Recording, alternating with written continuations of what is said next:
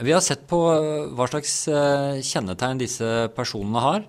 Og da har vi funnet at det er en overvekt av menn. Det er mange menn blant dem som, får, som forsvinner eller forlater mottaket uten å oppgi ny adresse. Og det er mange som har såkalte Dublin-saker. Det betyr at de, sakene deres egentlig er registrert i et annet land som de risikerer å bli sendt tilbake til. I tillegg har vi funnet ut at det er mange av asylsøkerne som forsvinner fra mottak, som ikke har familie eller, og ikke har barn, rett og slett. Dvs. Si at de er eh, enslige.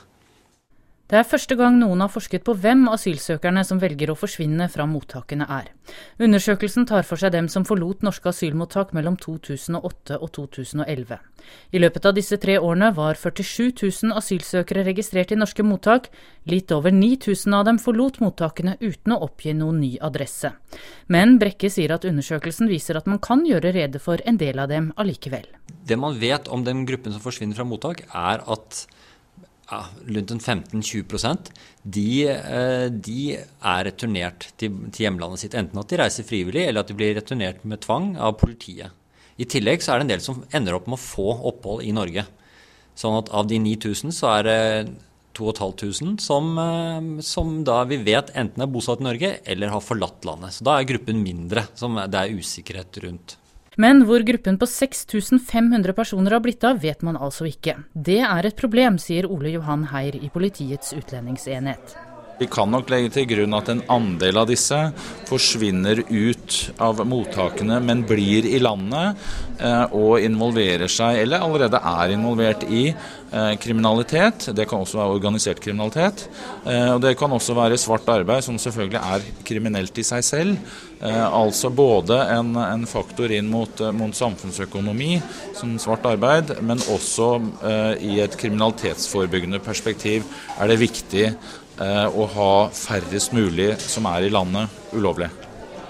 Utlendingsdirektoratet, UDI, er også opptatt av å finne frem til asylsøkerne som velger å forlate mottakene uten å si fra hvor de drar.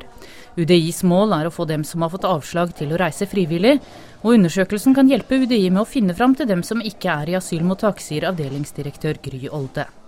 Rapporten sier noe om hvem det er som velger å flytte fra mottak. Sier noe om hvilke nasjonalitetsgrupper, sier noe om alderssammensetning. Forteller oss noe mer om hvem det er som, som flytter. Og Det gjør det mulig for oss å tilpasse informasjonskampanjer eh, overfor personer som ikke er i mottak, som også er omfattet av målgruppa for frivillig retur. Så vi vet mer om den målgruppa, målgruppa som vi skal nå med informasjon. Forsker Jan Paul Brekke håper hans undersøkelse kan være med på å nyansere den politiske debatten i Norge.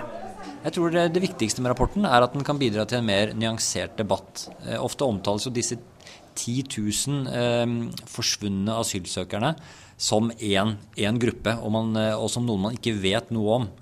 Men man vet altså en hel del om det, og det kan bidra til en, eh, en debatt som blir mer presis, og som eh, gjør at flere kan bli med, og det kan komme si, en rikere eh, videre kunnskapsutvikling på akkurat dette området.